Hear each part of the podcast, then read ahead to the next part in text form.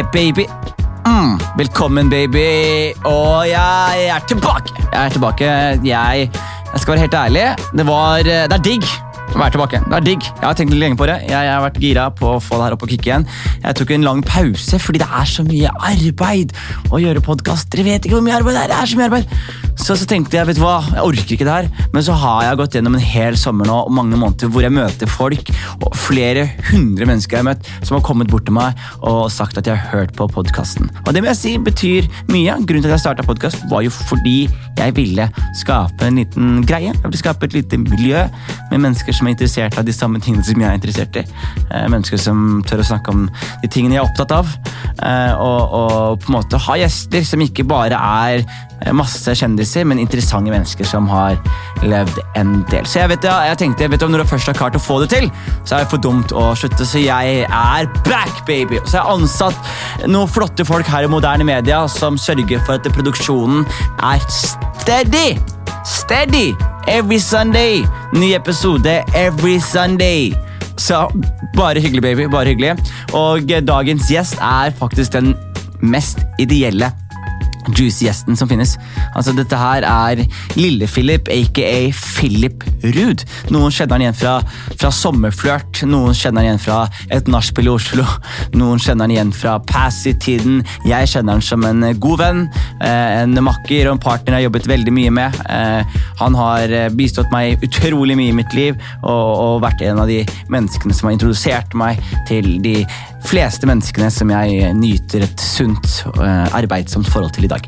Så ja, jeg må bare si at det er hyggelig å være back. Virkelig. Jeg gleder meg veldig, og jeg håper dere er back. Og hvis dere virkelig liker podkasten, så del den og spre den. og Skap litt blest rundt det. Spread the love, baby. Spread the love. Fordi jo flere som hører på, jo bedre er det for meg. Fordi la oss være ærlige. It's about the buck, baby! Nei da, men faktisk, jo flere som hører på, jo flere penger, mer penger får jeg. Så jeg vil ha penger. Men vil ikke ha penger. Vil ikke du ha penger? La som ikke du vil ha penger. Alle vil ha penger. Jeg vil være ærlig med det.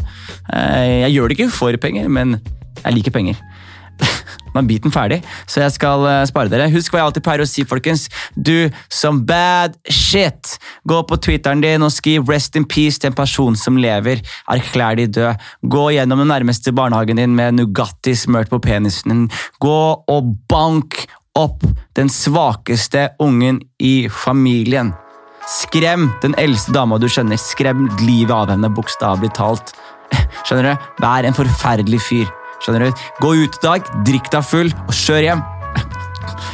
Ta en Petter Northug. Vær Petter. Vær Petter Northug. Og med det så gir jeg meg, mine damer og herrer, Philip Ruud.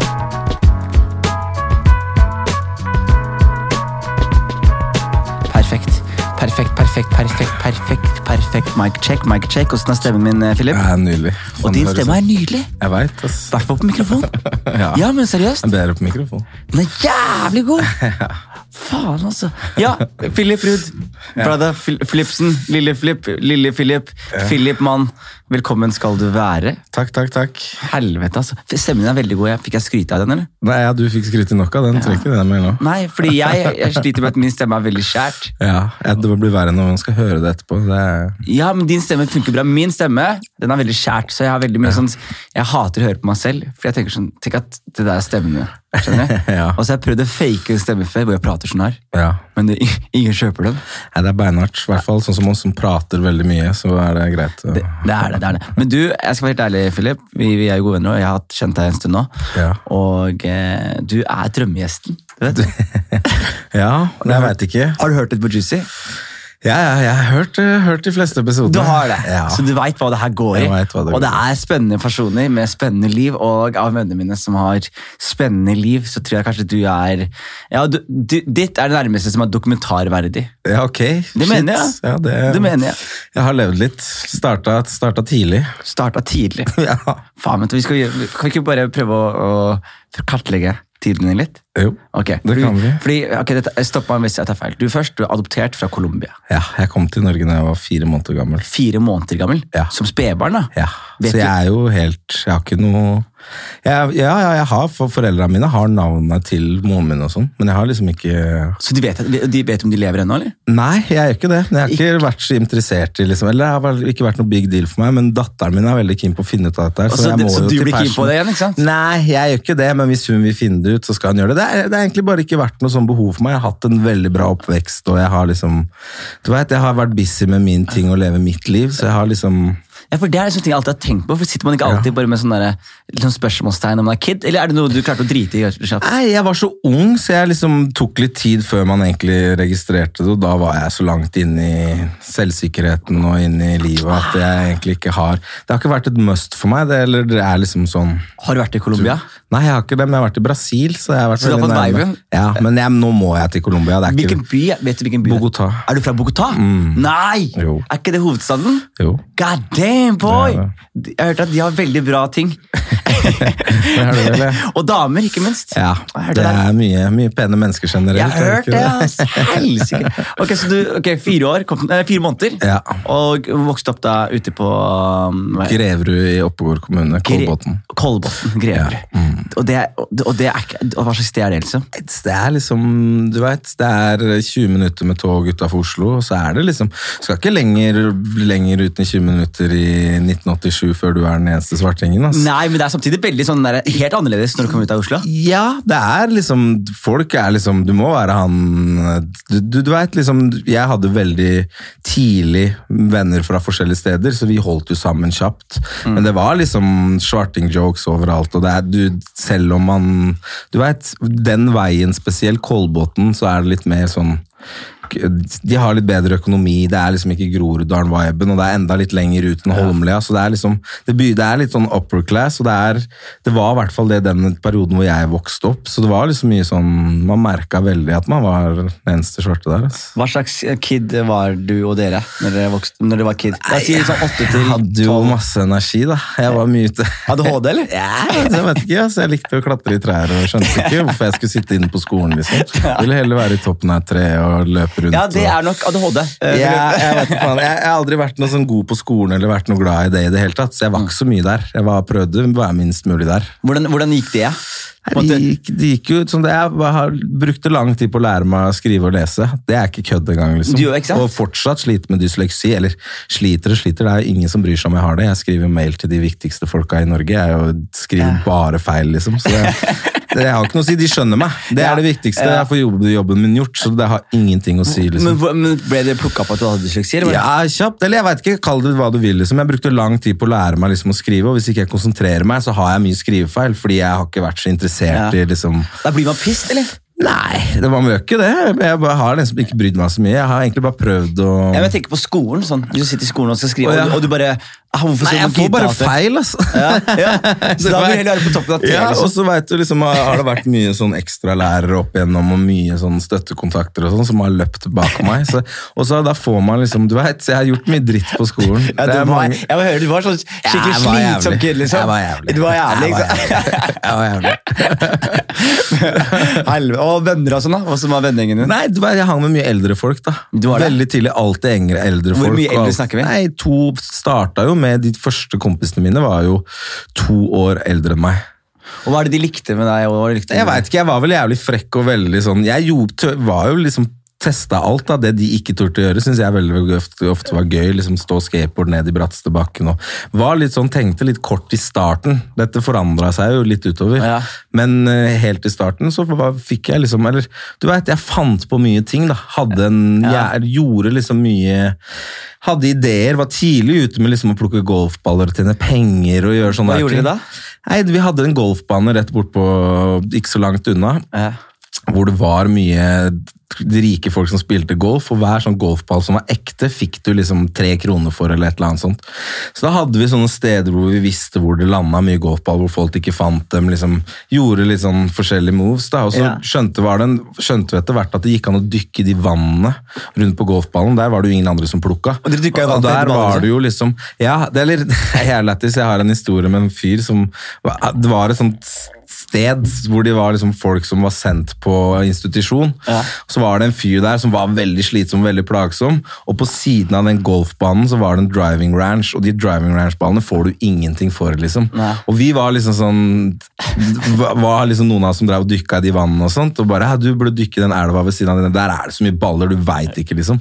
Så han brukte en hel dag, bada der, dykka der i bokseren, fylte opp en hel vogn med baller, og så trilla han inn i den kiosken, og hun bare 'Å, du rydder opp i elva? Tusen takk'. Null kroner verd.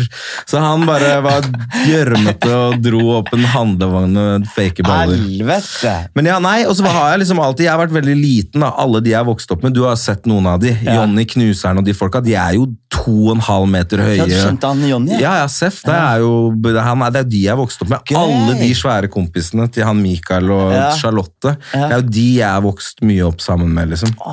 Så alle var to meter, og jeg hadde det i kjeften, og liksom, jeg vet ikke. Ja, du var godt selskap. Det var godt selskap. Ja, fy flate. Og da, når du var ferdig på barneskolen, Ja. hvor var du liksom, husker du, husker du hvor du var mentalt, liksom? Hvordan, hvor... Ja, jeg var, du vet, også, jeg var ganske liten da, og sent utvikla, så jeg var jo ikke noe kul sånn forhold til dem. liksom. Jeg var en liten frekk drittunge, og det var ikke noen damer som syntes jeg var noe søt enda. og Nei. Jeg var litt sånn, så jeg hadde mye å bevise. da. Vi var veldig sånn der... eh, og så- Følte du på det at du hadde det beviset? Ja, liksom? Ja. Fordi jeg var liksom, du vet, jeg var den dårligste, eller jeg var ikke, kanskje ikke den dårligste, men jeg var ikke han beste skateren. Jeg satt mest og røyka sigg og dro jokes. Hvor gammel var det du røyka sigg? Ja, jeg starta å røyke sigg da jeg var 11 år.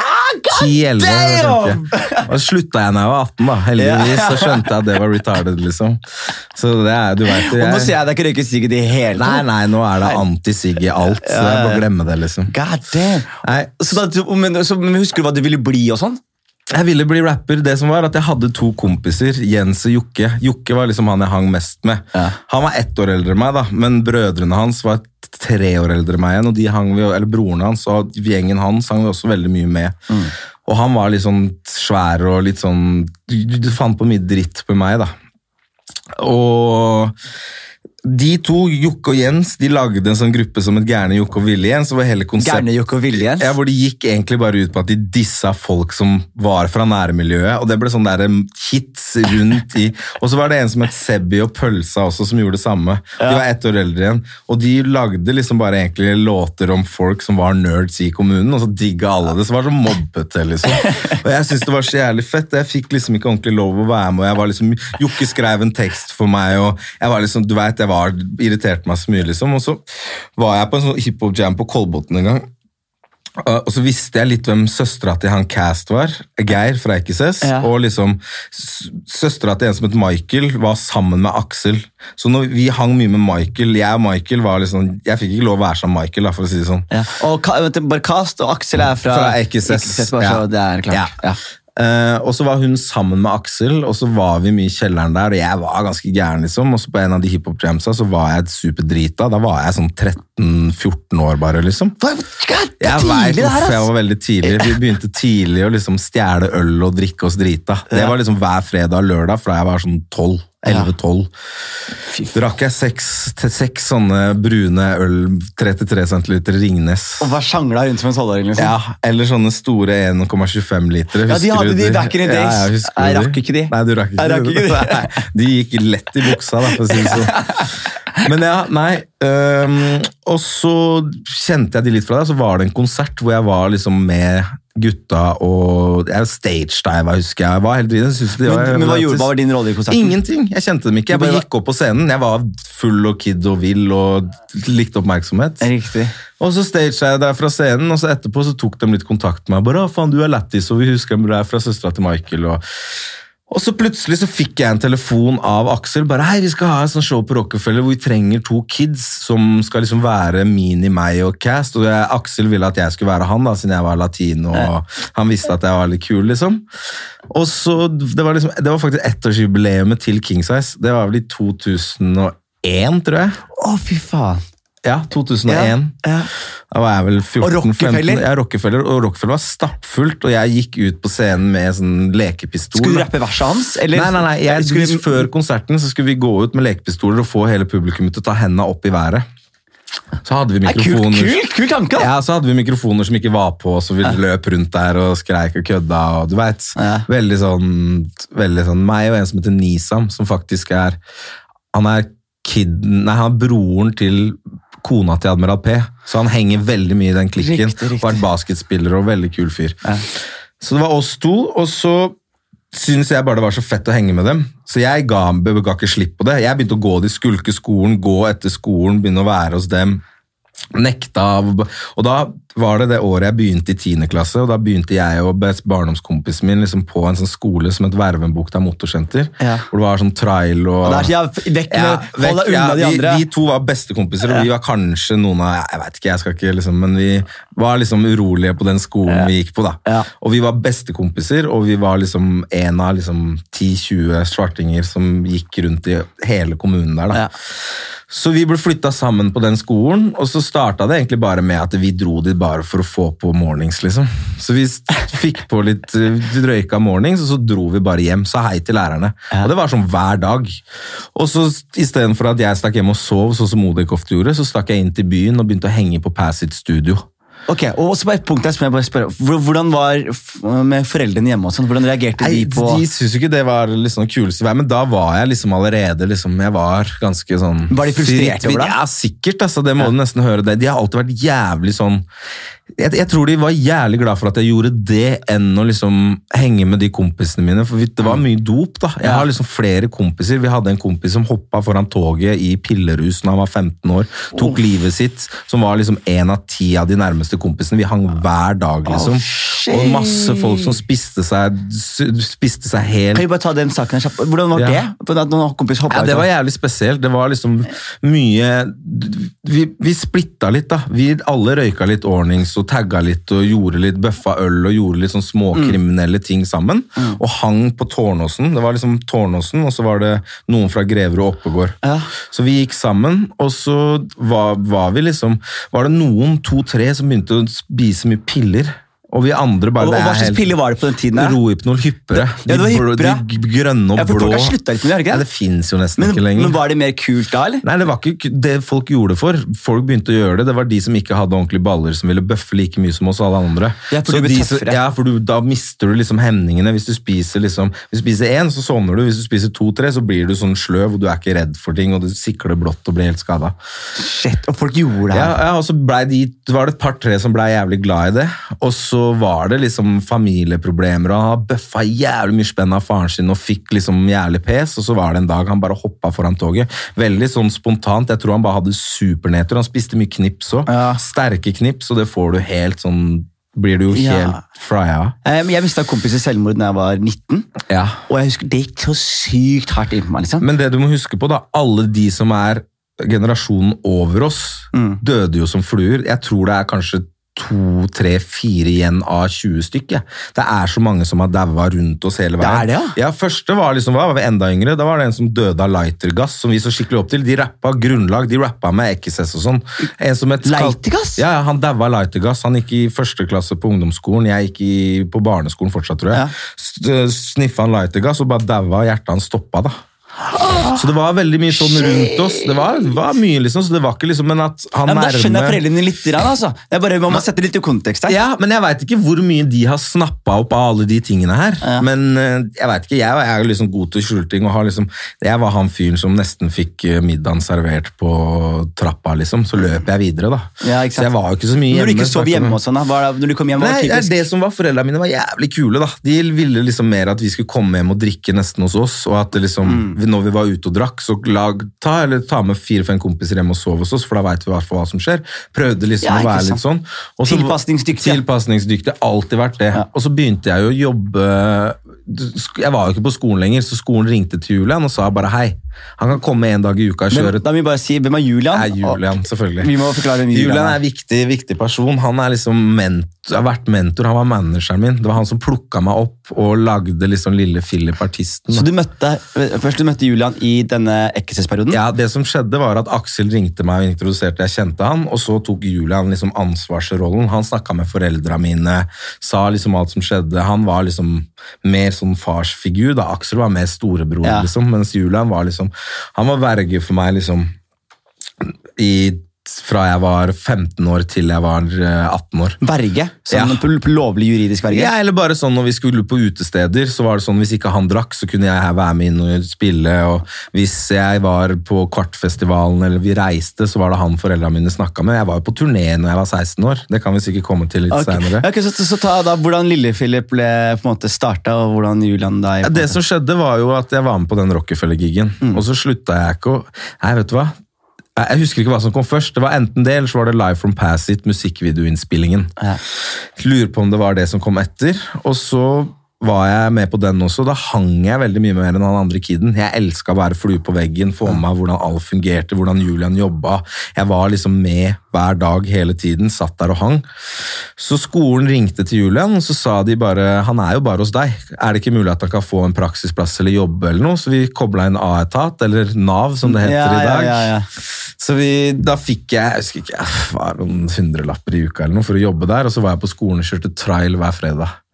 Det klarte de å lokke meg med. For en oppvekst. Ja. Det var hele tiende klasse, så jeg gikk jo ikke så mye skole i tiende. Men du, lik, men du lik, digga å være på Ja, Facit, ja, og- så fikk jeg karakterer. Og så fikk jeg jo faen meg, jeg fikk jo faktisk fem minus på norsk eksamen muntlig, liksom. Oh, yeah. Så jeg var ikke sånn der, jeg var ikke helt ute. Jeg skrev ikke og leste så bra, men jeg var intelligent. Matte var jeg god i, og du vet jeg, var, var ikke helt ute og sykla, ja, hvis jeg først ville, da.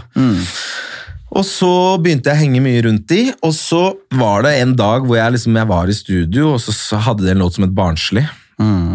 Og da Barnslige men, Nei, ikke Og- barnslige mennesker. Jo. Barnslige mennesker. Før det så skrev Så jeg jo lenge vi mye, ja, Før det så skrev jeg jo mye tekster med Aksel og dem. Ja. Og da var jeg med dem veldig ofte og gjorde en a cappella. Men Skrev du dine tekster? Eller Ja, skrev vi skrev sammen? mye sammen. De lærte meg opp, og så skrev vi sammen, liksom. Ja. Det var mye mine ideer og mye mine ting, og så hjalp de meg liksom sånn, kanskje du burde sette det, og så hvis du sier det før det òg, så rimer både det og det ordet. Så de lærte meg struktur, og de satte opp, og, så de gjorde liksom er, ikke, er, er, først, er ikke det veldig vakkert? Sånn, du hata skolen, Jo. og når du først finner noe du digger, så sitter du her og du Jo. skriver, og dere snakker bars, og Ja, dere snakker Jeg husker jo det ene, eneste jeg måtte være med på i hele 10. klasse, det var en skoletur. Og da var det liksom sånn, greit, jeg skal bli med, og da satt jeg hele skoleturen og skrev tekster oppå andres låter. Så de var sånn, ok, vi skal ikke si dette her til PPT da, du har ikke så konsentrasjonsvansker liksom. Du klarer liksom å skrive teksten oppå en annen tekst. Så det var liksom, ok, greit. Men du vet, det var, var jeg jævlig interessert i da, så lærte jeg mye fort. Så barnslig og de første tingene var liksom skrev vi sammen, og så skiva mi er jo stort sett jeg som har skrevet. Ja, for hva het 80, skiva 90. Skulk med stil. Skulk med stil. Som er jo en god oppsummering av Ja, det eh, det vi nettopp har hørt litt av. Er det, er det. Men ja, nei, så da begynte, da begynte vi med a cappella-vers, hvor jeg var med dem litt på sånne utesteder og rappa på litt sånn kule steder, så ofte jeg fikk lov og mulighet til av foreldrene mine. Hvordan introduserte deg på Visste publikum det bare? Nei, i starten var det bare sånn, ja, vi, har med, vi var jo sånn crew, vi var jo sånn som vi er i dag, bare Ja. at vi var bare artister, og vi var, eh, eller produsenter også da, og DJ, det var mu musikk, det var i hovedfokus liksom. Så det var jo mange, så vi var jo liksom character, vi var Wotang, liksom, og introduserte meg opp, og folk har sett meg i musikkvideoen Live from Pass It, sett meg på liksom, så litt sånne småting. Så, Du følte deg som en del av gjengen? liksom? Ja, ja, 100% Jeg var han lille kiden i gjengen, liksom. Hvordan var det Om- hvordan, når du først følte deg som en del av gjengen? Var Nei, du var, var jo supernoia, da. Det helt når man skjønte liksom, nå er, nå er det ikke liksom, nå skal du ikke bevise noe og være kul og tøff lenger. Nå skal du lære å liksom ha fokus og ikke drite deg ut. For du vet, når du er 15 år og du henger med folk som er 18 til 30, så er du, sier du mye dumt. Du er ikke smart, liksom. Så jeg lærte veldig fort når jeg skulle prate og ikke prate. Det, de var, hadde ikke noe filter på meg. Det var ikke noe sånn der de behandla meg pent. Jeg gikk mange ganger hjem og bare Og du veit, ung hadde fått på litt Ja. ordnings, litt noia. Du vet, du, det var ikke gøy, liksom. Det var sånn der, å, jeg blitt roasta Jeg blitt roasta i to timer av idolene mine, liksom. Så jeg lærte, jeg ble, fikk hard hud. Ja. Og det er jo mye grunn til at jeg er kjapp i kjeften og frekk sjæl. Ja. Og, og har, har litt den mentaliteten til mine folk, eller oss. Vi har jo den generelt. da. Vi kødder mye, vi er frekke, vi har tykk hud. da. Og det er liksom litt av den Jeg veit ikke. Det skal man ha. Ja, jeg tror det. jeg tror det, altså. Det er viktig. Nei, og så kom da Barnslig, den låta til Ekkeses, hvor de egentlig blowa med. Det var jo den første singelen som gikk ordentlig bra. Ja. Hvor jeg hadde da siste verset, og så Ja. Atle Antonsen plystra på hooket. Og det var liksom en av de største hiphop-låtene i 2003? Ja, det er 2003. jeg Ja, du veit dette her, eller? Jeg, er ganske sikker på det nå. Ja, 2003. Jeg tror, det, jeg tror det er det. Eh, og da, etter det, så var jo liksom Alle kunne 'Livet mitt er ikke noe å le av', samtidig med å le av. Ja, ja. Det er veldig sånt, og der har vi liksom prøvd å skrive det veldig enkelt, for at alt skal være call and response. Det var liksom veldig tidlig ute med 'Hva skjer'a?' var jo liksom en av de første, det var, veldig, det var ikke mange som sa det utenom utlendingmiljøene. hvis jeg mener. Mm. Og vi var liksom veldig tidlig ute med å lage en type vibe. da. Det er veldig gøy. Og du, men merket du da, fordi det, det jeg også tenker på i forhold til den tiden der kontra nå, da, så er det sånn, Ja. det holder ofte med én sånn TV-parents. Én. Så Ja. hvis, folk, hvis det er én Ja. ting, holder Veldig. ofte, så vet Ja. alle hvem du er. Ja, ja. Spesielt i Norge på den tiden der også, hvor det var liksom og Du vet, Det var en helt annen tid. Folk kjøpte musikk, liksom. Det var liksom, Hvis de skulle høre på deg, så kjøpte de en singel, og da hørte du ikke den singelen én gang. Da Nei. hører du den jo i hjel, Ja. og så går du videre, liksom. Jeg mener, sånn Komikere i USA de pleide å være på et program som Johnny Carson. For eksempel. Ja. Hvis du var på det programmet én gang, Ja. da var du kjent over hele landet. Ja, det- og, så, og så merker man i Norge nå, sånn er, er sånn, uansett hvor god eller hvor hardt arbeid du er, du, de, du, de holder ikke én. Du må ha sånn må 100, 100, kanskje flere tusen eh, eller, eller hvis du gjør en jævlig god jobb og du er interessant og fet nok, så trenger du ikke noen plattform, for du har det i lomma di. liksom. Mm. Så det er liksom både gått litt begge veier, men jeg føler på den tiden så var vi liksom, da gjorde vi da traff vi alt. Vi var på alle de store talkshowsa, vi vant Spellemann, vi Det var liksom vi, Hva var, det, hva, var den Spellemann Nei, det var Binni når jeg vant Spellemann. Ja, da var det noe Han blei litt bua av Passit-folk, tror jeg. Ble han det? Ødela ikke han hiphop-prisen? Nei, han var jævlig dritings. Øh, og så var det ikke et, Nei, det var to år etter eller noe, så stoppa de med hiphop og gjorde urban. Men Ja. det skal du jo rette opp igjen nå, da. Ja. Jeg, vet, altså. Ja. er ikke, folk er jo så redd for liksom, Det er så mye rasisme og sånt, så folk folk er så redd for det urban-ordet. Ja, men det er, skjønner jeg også. Jeg skjønner det, men Hva jeg- betyr nigger music? Bro. Ja, i, sti, i stilen, men det er jo et veldig godt beskrevet. Det er jo liksom hiphop, R&B Det er liksom Ja, men- Det er ikke bare negere som driver med det lenger. Nei, men, men pop, men sånn for. Hva er forskjellen på pop og urban? Det er jo ikke noe forskjell. Jo, jeg, hvis, hvis Issa synger, så kaller han urban, men Issa er jo pop. liksom. Ja, jo, ja, jo Så- til en viss grad. Eller han er super R&B òg. Ja, ikke sant? Så Så det er- vet, så, ja, derfor kan Urban beskrive begge de to tingene. men, men hvis for eksempel Astrid S blir nominert, hun blir ikke nominert i urban, selv om hun også burde vært i urban. Hun blir nominert som Nei, men Cezinando blir det. Sis- ja, han er jo erkehvit, liksom. Ja, men han er det, men det, det jeg mener er at de klarer ikke å skille eh, altså De klarer ikke å si at rapp er en egen ting, R&B er en egen Nei, ting, det er enig, er en men det gjør de nå, heldigvis. Så den diskusjonen er jo død. Men samme, jeg liker å bruke urban, jeg. Altså, jeg sier det ofte. Jeg, altså. jeg, Jeg, være, jeg, jeg er glad vi er forbi det, altså. Men, men jo, okay, vi, er- vi, fordi etter barnslige, etter barnslig Ja. så vet dere, hvordan er hiphop-miljøet på den tiden? her? Hiphop-miljøet er veldig hiphop. Det er veldig, Alle skal være de tøffeste. Hiphop.no styrer gamet. Hiphop.no! Der var jeg! Det var det første stedet jeg var. Ja, ja. Og du vet, liksom, De det var veldig fire elementer. Miracle, lyrical, billable, du vet. En Den rappegreia der. Ehm, og så var jeg liksom Ja, jeg, jeg syns jo det var dritkult. Det vil jo være dritkult. Ja, ja, du vet hvordan seggebukser Ja, ja, ja. Alle digger Redman. og- Alle digger Redman, inkludert meg sjæl. Altså. Jeg tror Redman fortsatt er favoritt-rapperen min. Jeg, altså. jeg skal være helt ærlig. Men ja, typisk sånn. Og så var jo jeg en av de første da som tråkka mainstream-veien. da. Med da Sommerflørt og Sommerf- Sandra Lyng Haugen. fordi, okay, La oss ta rett før Sommerflørt nå. Hvor er Ja. f.eks. for eksempel Paperboys? Hvor er Madcon? Hvor er Karpe? Paperboys ga vel ut Barcelona etter Sommerflørt, så vidt jeg husker. hvis jeg husker riktig. Så de, Det var ikke noe sånn ordentlig buzz ennå. Madcon har alltid vært der, men de var The Miracle Lyricals. Ja, liksom. de var veldig sånn så de var superhiphop. De var lenge, mange år siden etter det de begynte å skli ut. liksom. Ja, og Karpe Diem, husker du de? Ja, Karpe var jo også Det var jævlig lættis, da, for når vi var ute og reiste, så varma jo Karpe opp for oss, liksom. De, De var, det, ja, de var veldig sånn snille, og jeg kjenner jo Chirag og Magdi fra De var veldig sånn unge og spe og såre, liksom.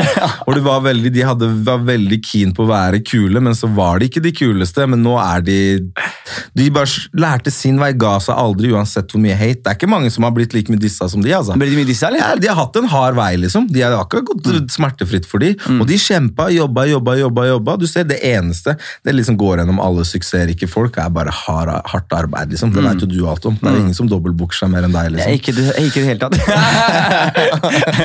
så, så du veit, de har bare gjort det sånn. Men de var, de var faktisk veldig unge, og jeg var, jeg var den første da som Jeg, jeg veit ikke, Klovner i kamp og som kanskje har ligget på første var klovner i kamp? Nei, de var, de var det ingen som likte, liksom. Ja, fordi flatcapser, hiphop og folk Ja, de, jo, nei, men de var liksom bare Du veit, den den rappen der, ja, ja. det var ikke noe for oss. Vi Ja. var de første eller som vil, ikke ville gjøre den.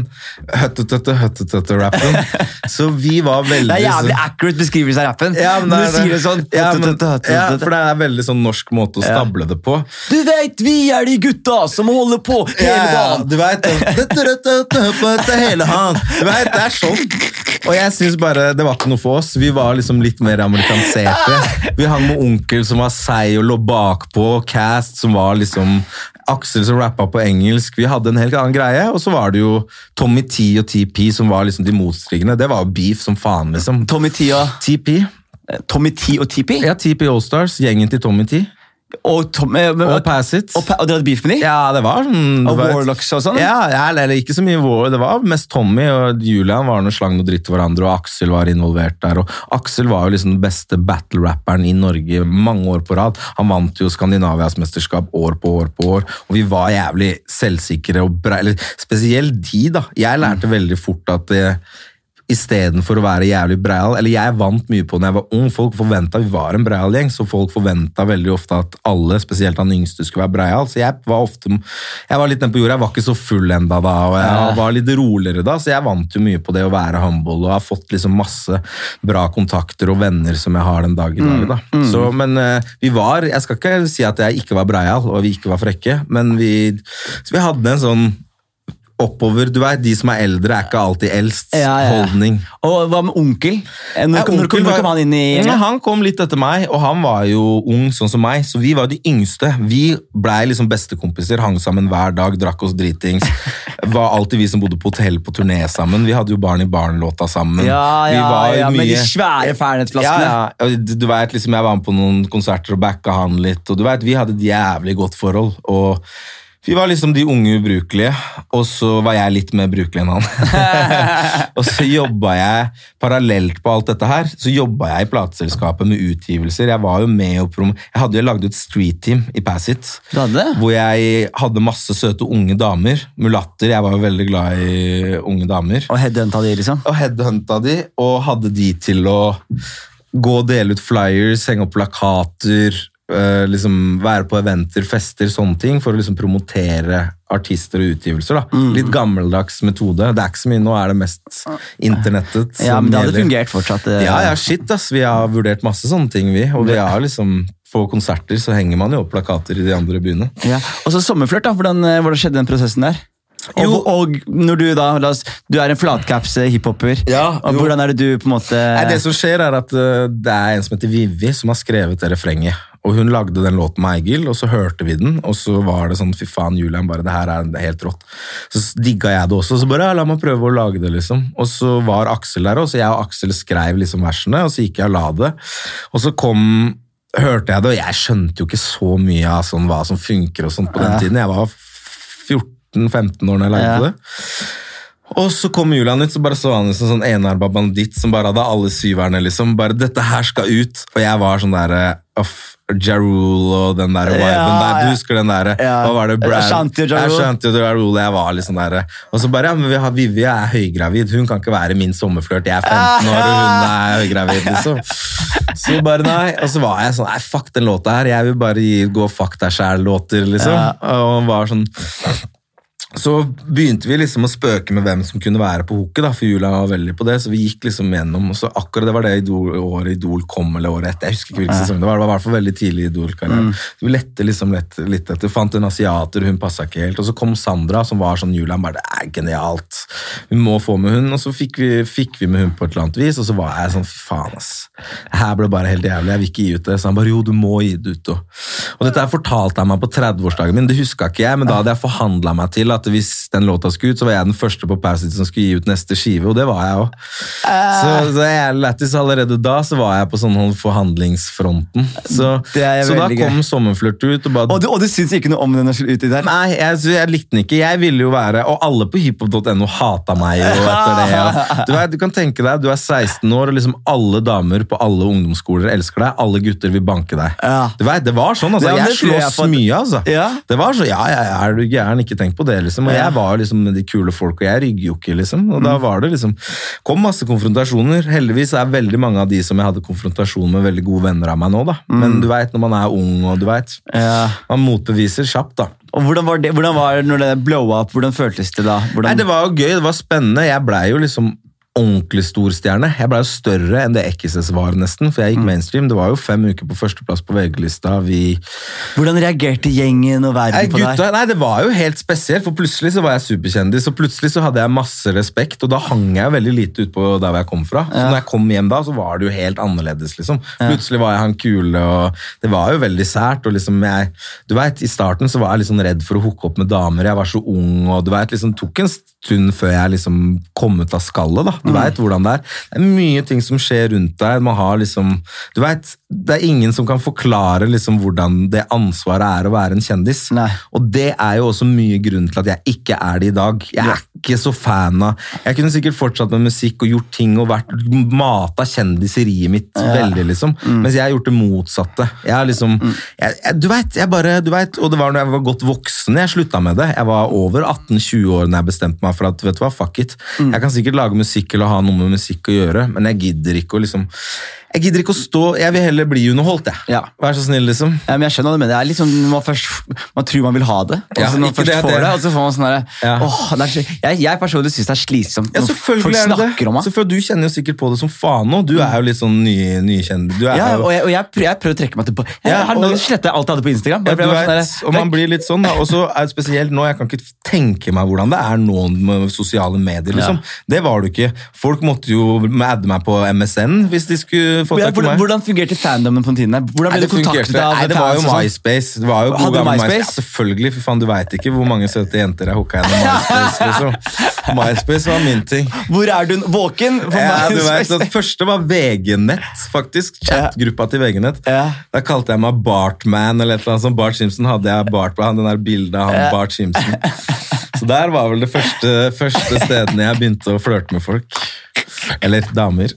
Ja, veldig, veldig, veldig gøy. Også, så, Så- så det er sommerflørt, og det, det, ting går bra. Hvordan er, hvordan er dynamikken med gjengen? Nei, Det går fint. Det, dynamikken er bra. Da kommer jo Jeg husker ikke om det var Onkelskiva som kom etter det, som Ja. jeg også var med å gjøre litt prom på, som også var dritbra. Mm. Og så var det vel Aksel eller Cast, jeg husker ikke hvem rekkefølge dette her kom i, men jeg var liksom mer rundt hele der. Ga ikke ut så mye sjæl. Jeg var liksom mer interessert i å sitte på kontoret med Julian. Jeg var liksom når jeg var kid og gikk på den jeg var liksom vaktmester, som vi kalte det, på Mm. Passit, så var jeg veldig ofte sånn, tok telefonene til Julian. Hørtes veldig ut som Julian, for vi hang så mye. Jeg så så opp til han. og Mm. Jeg tok telefoner og var liksom sekretær og lærte meg businessen. Mm. Så der var det liksom den retningen jeg tok mer. da. Og så var det på et eller annet tidspunkt hvor Passit Julian flytta ut av landet, tok, begynte å jobbe med William. Ja, Nasty Cut. Nasty Cut, han produsenten, og gjøre kun det. Og de flytta vel til USA ganske kjapt. De lagde jo Am I Wrong ganske Ja, kjapt etter det. med, ja, Med Nico med Nico Vince. Og så uh, blei knirkefritt til av hele den andre siden, da. Så det er da liksom Så Knirkefritt er et eh, postresultat. Ja, det er postresultatet. Ja, Pa- Passit uten Julian. Ja, fordi Passit jo, var jo på mange måter største første store rappkollektivet. Ja, Og- utenom TP, da. Utenom TP. Mm. Og så skjedde det jo eh, veldig mye. Altså, som vi kan jo, grunnen til at jeg syns det er så gøy med deg, er at du ikke gjør intervjuer. Ja. Og du burde gjort mye mange, flere intervjuer, fordi de intervjuene som er tilgjengelige nå, er jo katastrofe. Ja, Da var jeg tre år, liksom. Ja, det er jo, min favorittartikkel noensinne er jo 'Lille Philip spytter på fans'. Skal ikke unnskylde en dritt, sier Philip. Og, og var helt Ja, greie der. Men Passit var jo ganske hva skal jeg si, ja, De var jo gangster på mange måter. Eller hvis du skal, si det, hvis du skal definere Jo. det som en, en greie. Jo, De var tilknyttet gangstere. Det er jo sikkert folk som har fått med seg at de lette etter David Toska, og vi fikk alle de razziaene og Ja, fordi jeg, jeg hørt at det var penger i veggene på, i studioet der og sånn. ja, ryktene sier det. Men eh, politiet fant jo ingenting der, heldigvis. Ja. Så, men det var liksom Det var, det var liksom Du veit, det var eh, de som Hvordan Passit og King Size eh, Ja, for King Size er de Ja. samme folka som starta ja, det er de samme folka. Og tidlig så var det finansiert da av uh, en som het David og en som het Bård. Mm. Og de gjorde liksom alt fra fordelskort, og de var jo også lovlydige folk, men de Når du sier David, sier du da da sier jeg David Toska. ah, shit! Ok. Men ja, og så, så de, de hadde en tilknytning. Det var mest Bård da, som var med og gjorde sånn finansiell opprydning. Egentlig så hadde ikke de noe med utvikling av plateselskapet å gjøre. sånne ting. De var bare med og finansierte litt i starten. Og så forsvant jo det. De ble jo satt i fengsel og ble tatt for ran. Så de hadde, har jo aldri hatt noe med eh, musikken eller Passit Nei. eller Sånn som David har jeg jo aldri møtt, for han forsvant nesten før jeg kom inn i det. Ja. Sånn som Bård er jo familie. Hva slags, han historie hadde, hadde om, hva slags myter hadde dere om Dag, eh, David? når dere Nei, det var jo selvfølgelig, du skjønner jo liksom Det er jo han, du veit. Ja. Det var veldig close, ja, men, liksom. men, snakka, men, men tenk, Ja, nei, Var han en myte, liksom? Ja, nei, han var ikke myte. Vi visste stort sett hvordan han var. Altså. Ja, ja, for jeg har hørt så mye jo- bra om han. Ja, han mye- er veldig, han var veldig bra Jeg har hørt den smarteste- de folk Ja, han var kalkulert fyr, og han var liksom veldig god til å planlegge ting og samkjøre ting. Og nå, du vet, Jeg har ikke møtt han, så jeg skal liksom ikke eller, Jeg har liksom hilst her sånn på kjapt sånn, da jeg var superung, men jeg har liksom ikke sittet i min voksen alder og snakka med ham. Men så, sånn som han Bård har jeg vært god kompis Ja. med, og jeg kjenner familien hans. Han var jo liksom mer en del av det. og Ja, fordi han også var da Men var han da på mange måter den som eh, var over Julian igjen, eller? Ja, eller de samarbeida litt. da Han syntes at gutta hadde en jævlig god idé og ville at det skulle fungere. Så han henta inn litt kapital fra litt investorer. Han spytta inn litt sjæl. Det var litt sånn, Han prøvde å ordne det finansielle, da. Ja, ikke sant? Ja, da, da, får- da har dere jo gangstercreden deres, da. Ja. Så har du jo liksom sånne der idiothistorier med liksom, Du veit, vi har blitt tatt litt med hasj i studio. Ja, Han gudeste gode gude klarte å bli, ta med en sovepose som ikke var hans, inn på en flyplass hvor det fant noe gøll og skarplada pistoler. Nei, i en sovepose?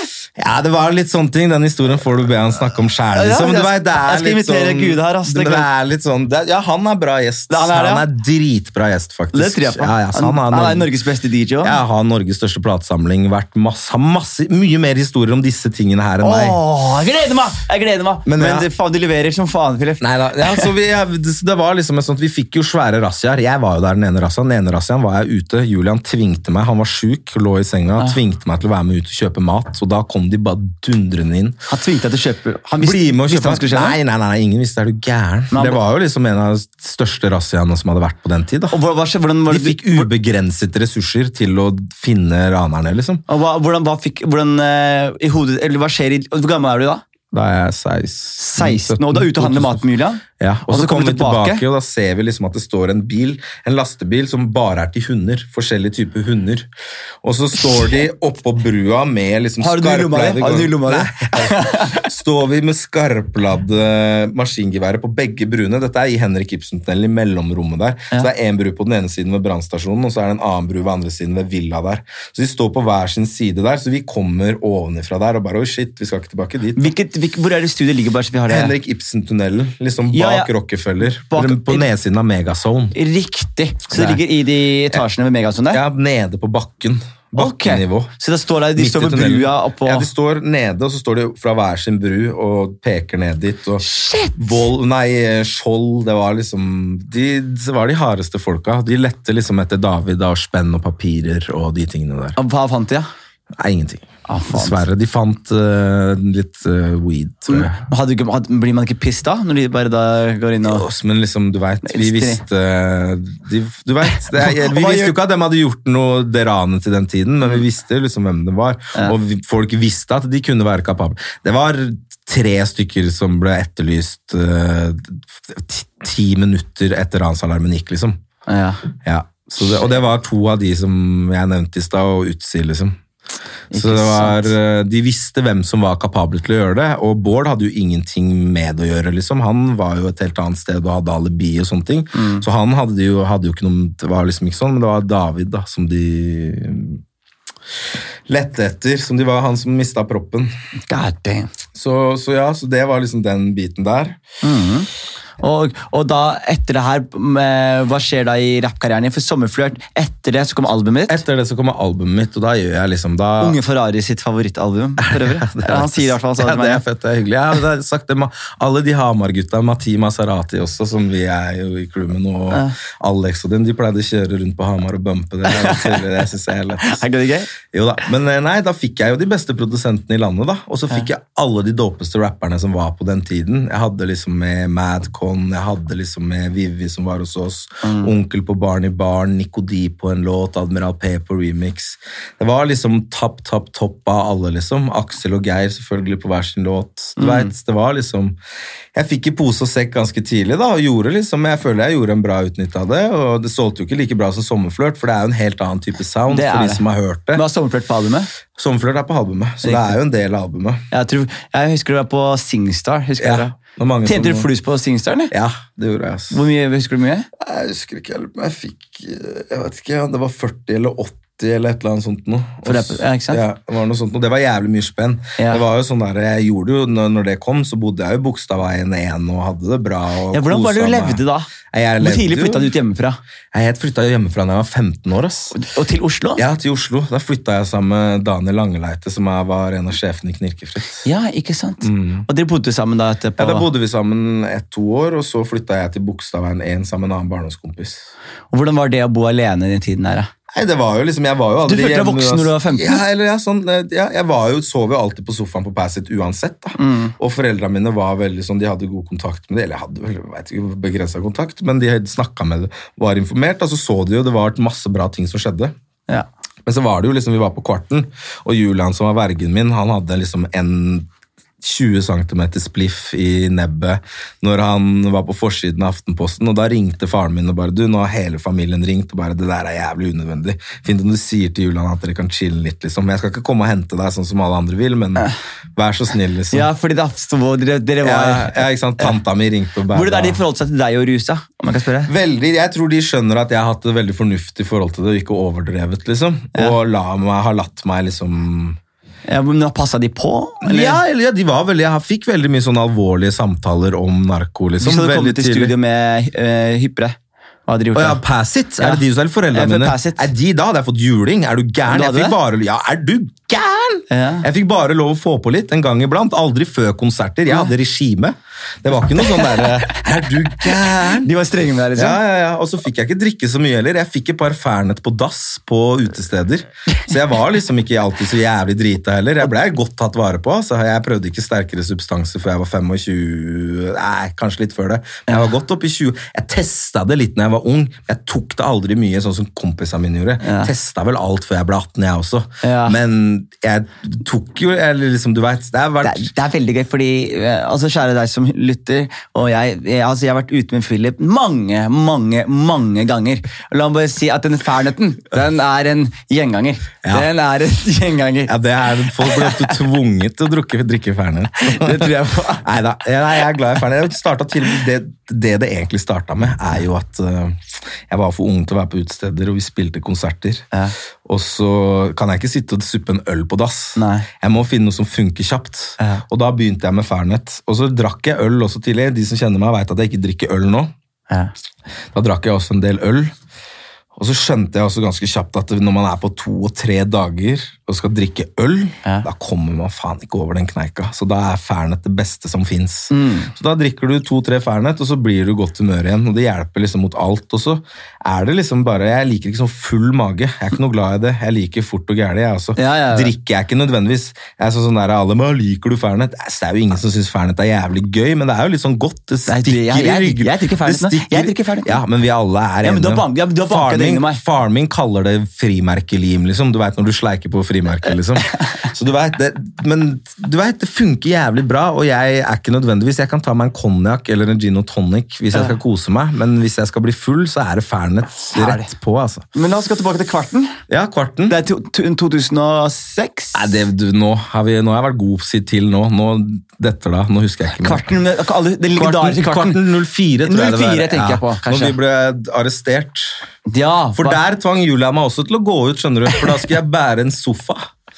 Ok, bare, Og jeg ville jo være fortell, fortell, okay, bare fortell først. Hva kvarten var dere booka til, Ja, nei, og hva som skjer her? Nei, det som skjedde var at Vi var booka til å spille i Bendiksbukta, som er liksom en av de gjeveste scenene på Kvart. Headliner. Ja, det var ikke headliner heller. Vi var ikke så svære. Mm. Men det blei som headliner. For det som skjer, er jo at vi kommer inn, vi lager en russebuss med liksom Pass It på hele siden. Vi har en bussjåfør som Han løper inn i en butikk, fyller opp to handlevogner med pils og triller dem ut og heller de inn i bussen. Sover i bu Du vet, Det er helt sånn der kaos. Vi har leid et hus litt utafor Kristiansand. Jeg tror det tok et døgn, jeg, så var bussen, fikk ikke bussen lov å kjøre inn i Kristiansand. Det var helt russestemning. Og alle var eldre enn russ, liksom. og Vi var sponsa av liksom, alt mulig av drikkeklær. vi, Det var liksom helt kaos. Ja. Så det som skjer, er at vi skal på soundcheck, eller om det er noen intervjuer eller et eller annet. Jeg husker ikke helt hva det var. Så da kjører vi bussen inn i Kristiansand. Og så står den der, og så er det en som sitter og ruller en bak, eller noe, og så sier Julian til meg bare at du skal være med og bære en sofa, for vi skal gjøre en sånn intervjugreie. Det er bare, nei, fy faen, drit i det, jeg vil bare være her, liksom. Og så sier, eh, sier jeg nei, vet du hva, du, det må du være med på, liksom. Går vi og bærer den sofaen, kommer vi tilbake, og da ser vi liksom at sivilsnuten står med to av de som er der, og bussjåføren, og driver og prater med de og sånt. Og så går Julian der bort til Aftenposten-teltet og sier nå tror jeg det skjer noe borti Passy-bussen der, altså. Ah, han skjønner Ja, det skjer. ja, ja, 100 liksom. Og det teltet er liksom sånn tre meter fra bussen, for det er helt i åpning av festivalen. Ja. Og så går han bort dit, og så kommer, er Dagbladet her og sånne ting, og da husker jeg ikke, jeg tror alle ble kjørt inn, til og med bikkja fikk eget bikkjebur, liksom, for vi hadde med oss bikkjer også, så da var det vel 20 Dere stykker. hadde med deres egne bikkjer? Ja, to av de som var med hadde med bikkjer. Riktig. Eh, Så skumle bikkjer, eller? Ja, det var pitbull, da. Var pitbull, men de var veldig snille bikkjer. Det var verdens kuleste bikkjer, så det ikke noe, var ikke noe skumlere enn andre bikkjer. Det er viktig. Det er viktig. ja, det må ikke folk misforstå. Og så Du er veldig glad i hunder, du. Jeg er veldig glad i hunder. ass.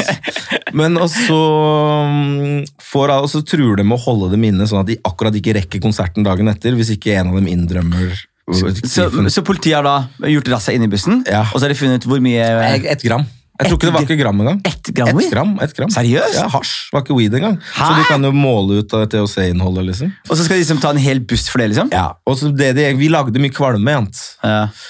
Så var det jo da, jeg lurer på når dagen før hvor den der eh, avisa med den jointen var. Og så de hadde jo veldig lyst til å ta oss. De visste jo at vi holdt på å være jævlige. Jeg lurer på, jeg husker ikke helt hvordan de dagene gikk. Men i så fall da, så det var jo oppslag i alle de største avisene at bussen var tatt razzia og alle de tingene der. Så var det en som innrømte det, alle kom ut, og da var jo hele Bundesbukta stappfull. Alle lurte på hvem det var som gjorde det der. ikke sant? Så vi var liksom en sånn legendarisk konsert. Flere av de klippene ligger faktisk på YouTube. Ja, men jeg har sett, jeg Ja, ja. kvarten per. Ja, Da ser man til og med du hopper ut der og rapper, og Ja, ja, ja. det er full Wu-Tang-stemning på scenen der. helt klart. Helt klart. Veldig, veldig det. Ja, og det er, det, det er jo på mange måter et øyeblikk jeg har hørt veldig veldig mye om. Ja, det går litt sånn ned, ned i hiphop-bøkene, det øyeblikket der. Og det, var liksom, det var masse writere, graffiti-folk, det var liksom eh, flere forskjellige crews, Madcon var på scenen et sekund der, og det var liksom veldig sånn stemning da. Veldig, veldig, veldig. Så- Savner du den tiden av hiphop, eller? Jeg har den tiden av hiphop nå, jeg. Du har den, ikke sant? Det er det ja, men er syns du, syns du dagens hiphop er- gir deg den samme viben? Ja, vi klarer det. Ja. Jeg føler vi gjør det på en veldig bra måte. Litt mer begrensa voksen måte, i hvert fall. Ja. Eller liksom, vi er ikke så rufsete i kantene. Vi er klare Ja, men det er liksom ikke det derre mediestunter og Ja, nei, sånne ting. jo, Jeg synes det er nei, gøy, men det, ja. eh, for det en ting jeg savner fra den tiden her, var noe som man ikke gjør lenger. Men, Ja, men det, det er, er litt manipulere som- media litt. Ja, du bruker det der ja, men det er litt sånn det er liksom fordi vi kan styre vår egen media litt nå. Vi har tenkt jævlig mye på de tingene og gjøre sånne ting. Og jeg er jo fra den skolen. Jeg drev jo, Mitt street-team drev jo kun med gerilja-marketing. Det vil si at man gjør ting som er litt på kanten. Mm. Og liksom, du vet, Jeg trykker opp bannere, stikker inn på andres konserter, putter de opp i været så kameraet tar tak i det, den banneren og reklamerer for lakseskiva på liksom Energies eh, tiårsjubileum, eller hva faen det var. liksom. Du vet, Sånne type ting. da, Henge bannere ned fra bygninger. liksom Være litt smart og kløktig. Jeg syns jo det er jævlig kult å bruke media sånn, men det er liksom man, man kan gjøre det til en viss grad, men det er ikke nødvendig på samme måte lenger. Nei. Spesielt ikke med den flaksen og drahjelpa vi har hatt nå med STKT. da. Mm. Ja, men det er veldig gøy, fordi det som skjer da, Etter det her så begynner da den eh, perioden her å, å phase litt ut. Ja. Eh, når er det du fikk Aela, Hvor gammel var du da? Da var jeg Fikk du etter det? 23. Det var 23. 23. Hvor var du, var du da ferdig? Ja, ja, eller, ja, eller det var liksom rett Jeg gjorde den Sigvard Dagsland-greia akkurat som sånn siste krampetrekning. Ja. Og jeg gjorde en sånn cover. Vi bytta låt. Han gjorde 'Sommerflørt', og jeg gjorde en av låtene hans. Som jeg da skrev liksom? til Aela. Nei, nei, nei.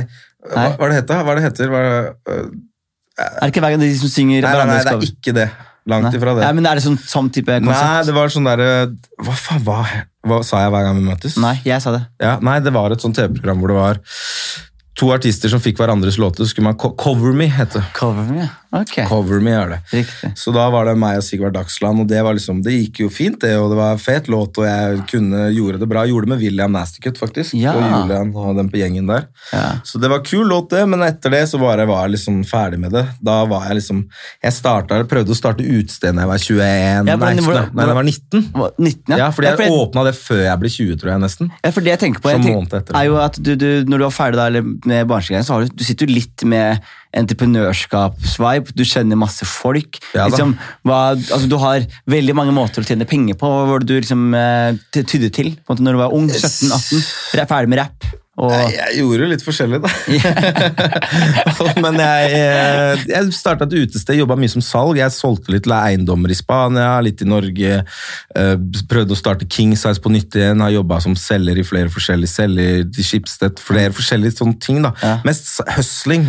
Grov men, hustling. men, liksom. Utestedet du skulle begynne, hva var det for noe? Det, det, var, det, var, det var et utested som het Kompis, hvor det var, konseptet var at det var venners venners fest hele tiden. Venners venners. Og så fikk jeg liksom de Kudnø og Gud og dem til å spille der. Og så var det liksom for litt eldre folk i meg sjæl, for det var de jeg kjente mye av.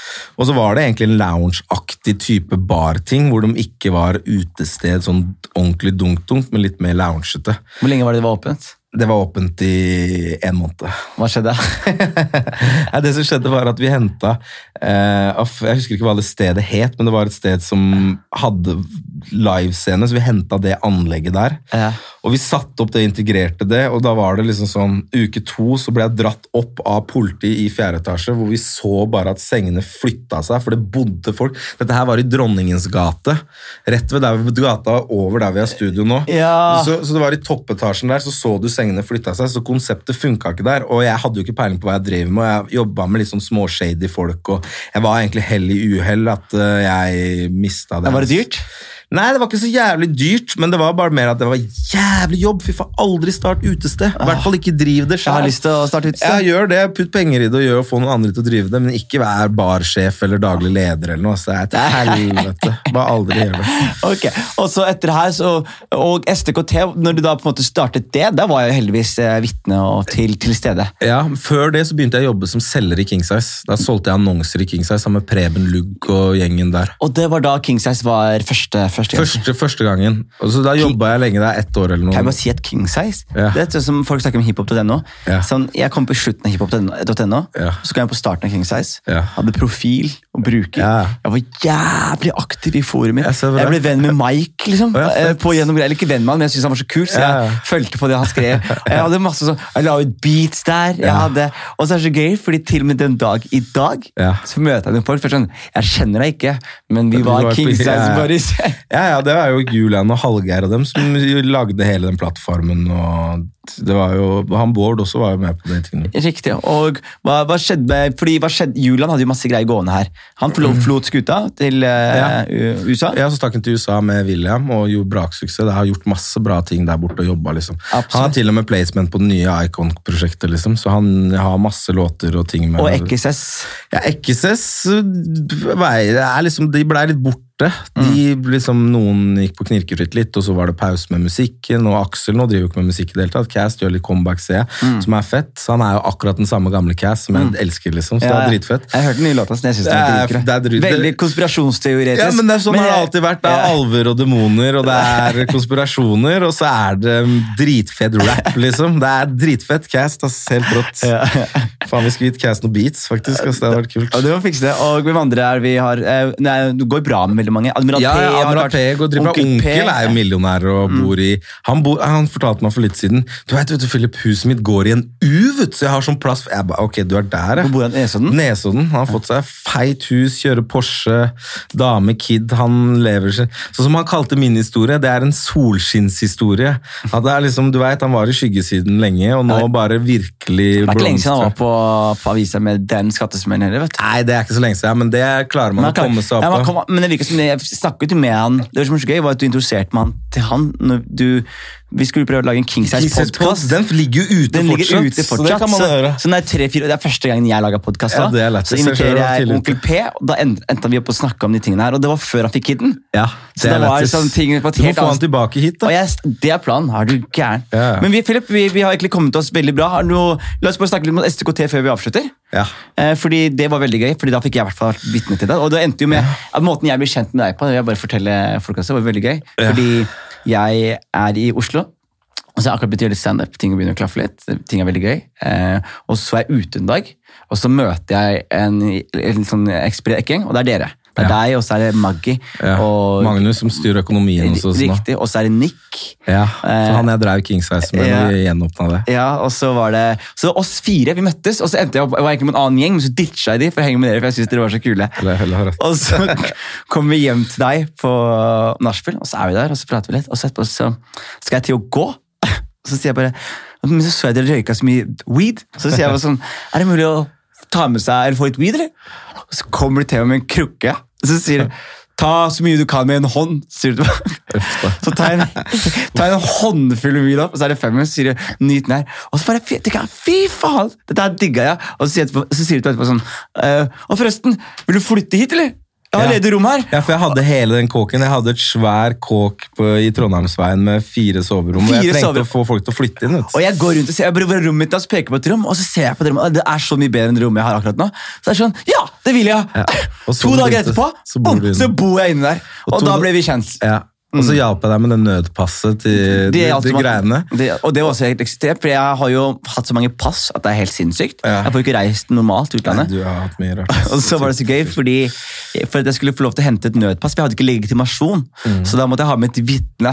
Så da måtte jeg få film. Du hadde ikke legitimasjon, du hadde ikke fødselsattest. Egentlig så må man ha fødselsattest og vitne, men Jeg- du hadde ikke fødselsattest engang. Jeg. Så du jabba deg inn, vi sammen på en eller annen mystisk måte klarte å prate deg inn til det. Så så du på meg sa faen, sånn som deg trenger jeg i livet mitt.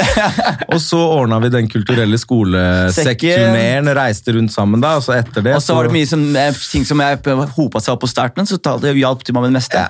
Og derfra så da ble, fikk du kanskje litt smak på Ja, det på, var sånn jeg vil. Skulle jo ikke være management eller gjøre noe sånt. noe. Det var jo bare glemme det. Det Mm. som skjedde da, var jo at jeg begynte å henge litt med Alex Soprali. Mm.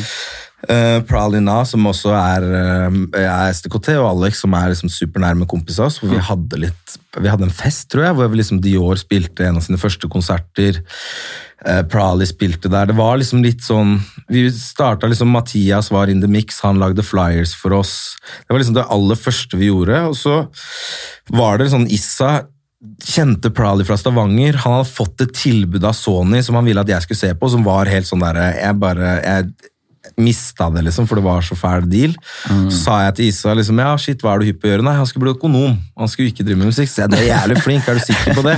Ja, han skulle det og sånt. Og så var han i Oslo her og gjorde en låt, og så hooka jeg litt opp på han, og så ringte jeg han og sa kom kom til Oslo en helg. Jeg kjøper flybillett til deg, kom ned her og bo hos meg.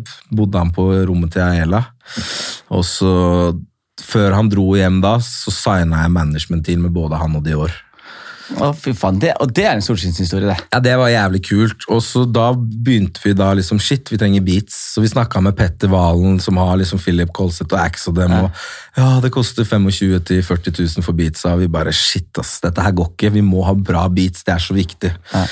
Så da begynte vi iherdig å lete etter produsenter. Det var Ja, helt fant sånn- dere Morten?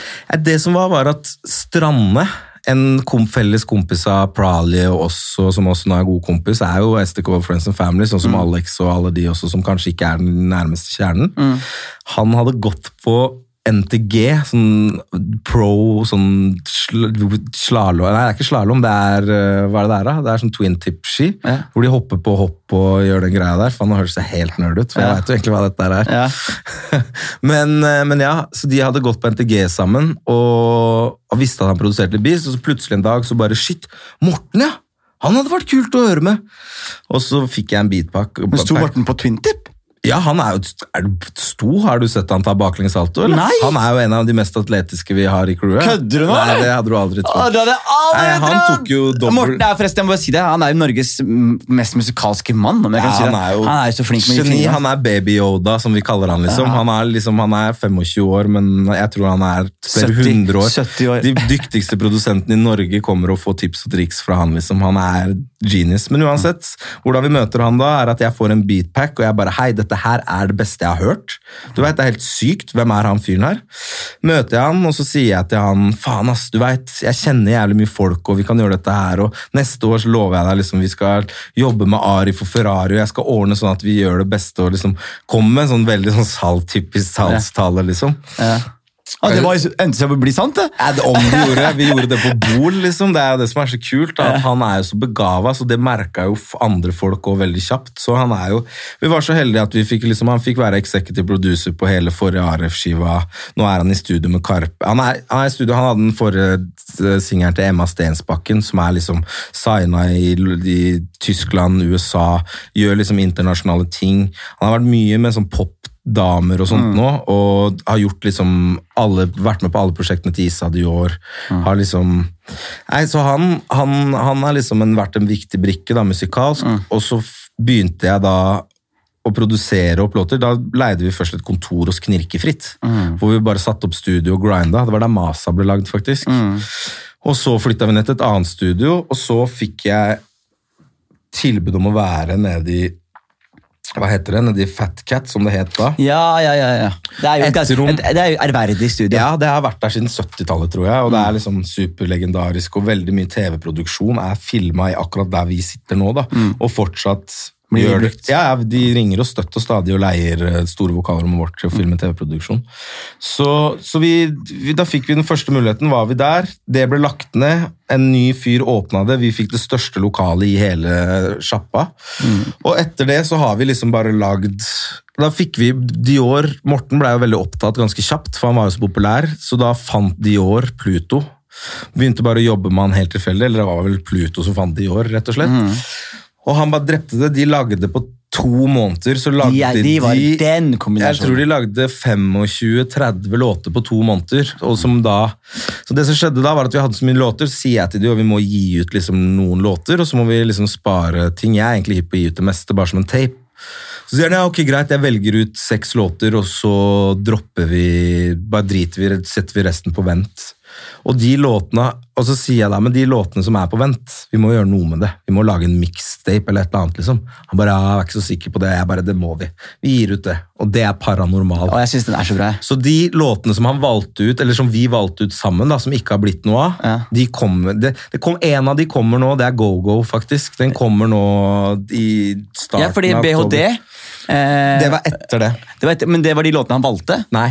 De låtene han valgte, det er noe som heter Boralis og Go-Go. Du har hørt noe av dem, Ja. de har ingenting av det har kommet ut. Nei. Så de blei bare scrappa, mens Paranormal var de låtene han egentlig ikke ville, nei, vi ikke ville ha. Ja, og så ble det- problemer er så bra. Ja, Det er- problemer, det er så mange bra låter Ja, det er mange, mange, mange Ja, så, ok, det er synd. Og hvor, og, og hvor tror du, hvor tror du på en måte STKT som står om på en måte fem år med eh, musikalsk og det musikalske inntrykket som blir lagt igjen i hiphop akkurat nå?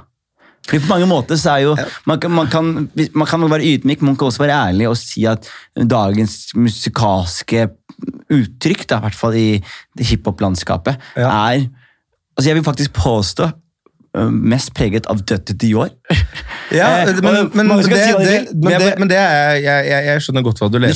Sånn som Issa og Dior har vi helt forskjellig strategi på. Mm. Issa er veldig sånn singelartist som alle vet hvem er, er på Lindmo, superstjerne, mer popretta artist, Mm. pop R&B-artist.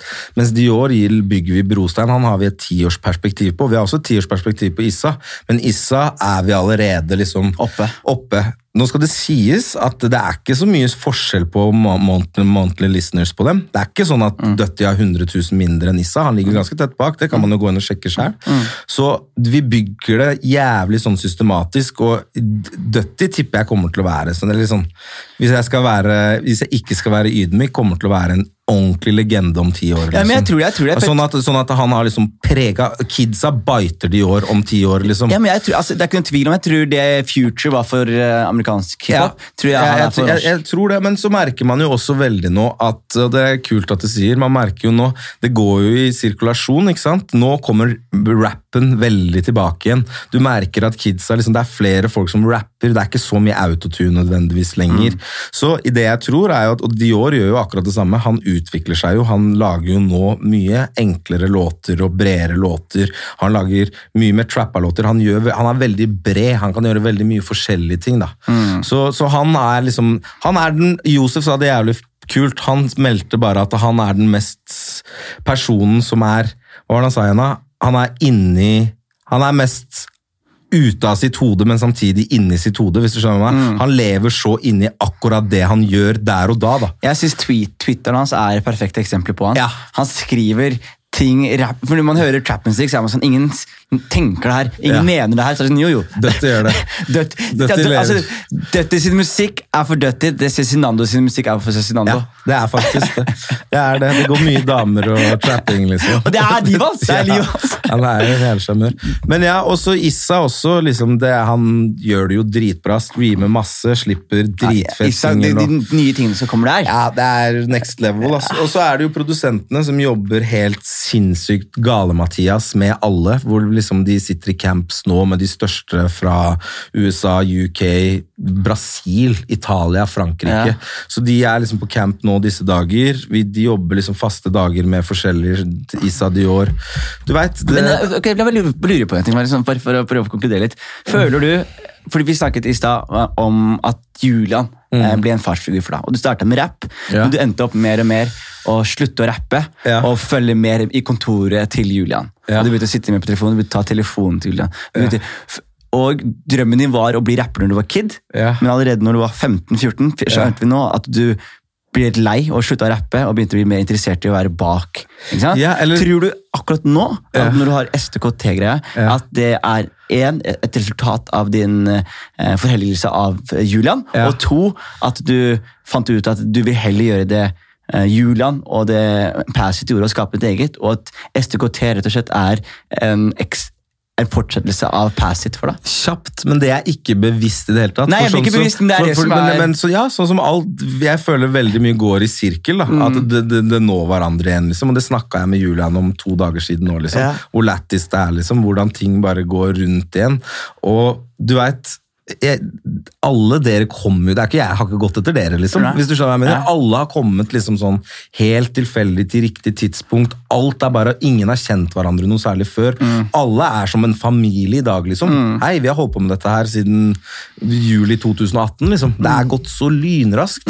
Og jeg tror bare at øhm, Ja, selvfølgelig, definitivt er det på en grunn for det, men jeg har alltid bare elska høsling. Mm. Hver gang jeg kan liksom gjøre en god deal, eller liksom prate meg til noe bra, eller få til noe fett, eller noe, se at noe funker, Ja. så det, elsker jeg det, liksom. Ok, Da skal jeg avslutte podkasten med en spådom. Ja. Om eh, åtte år så er du i LA med Morten Gyllebo. ja og Pluto og hele produksjonen. Hele produksjonsteamet Ja, er i det, LA. det det er, håper jeg ikke er ti år til engang. Det er nesten noe nå. Du, Philip, tusen hjertelig takk. Du er var en fantastisk gjest. Takk. Fantastisk gjest.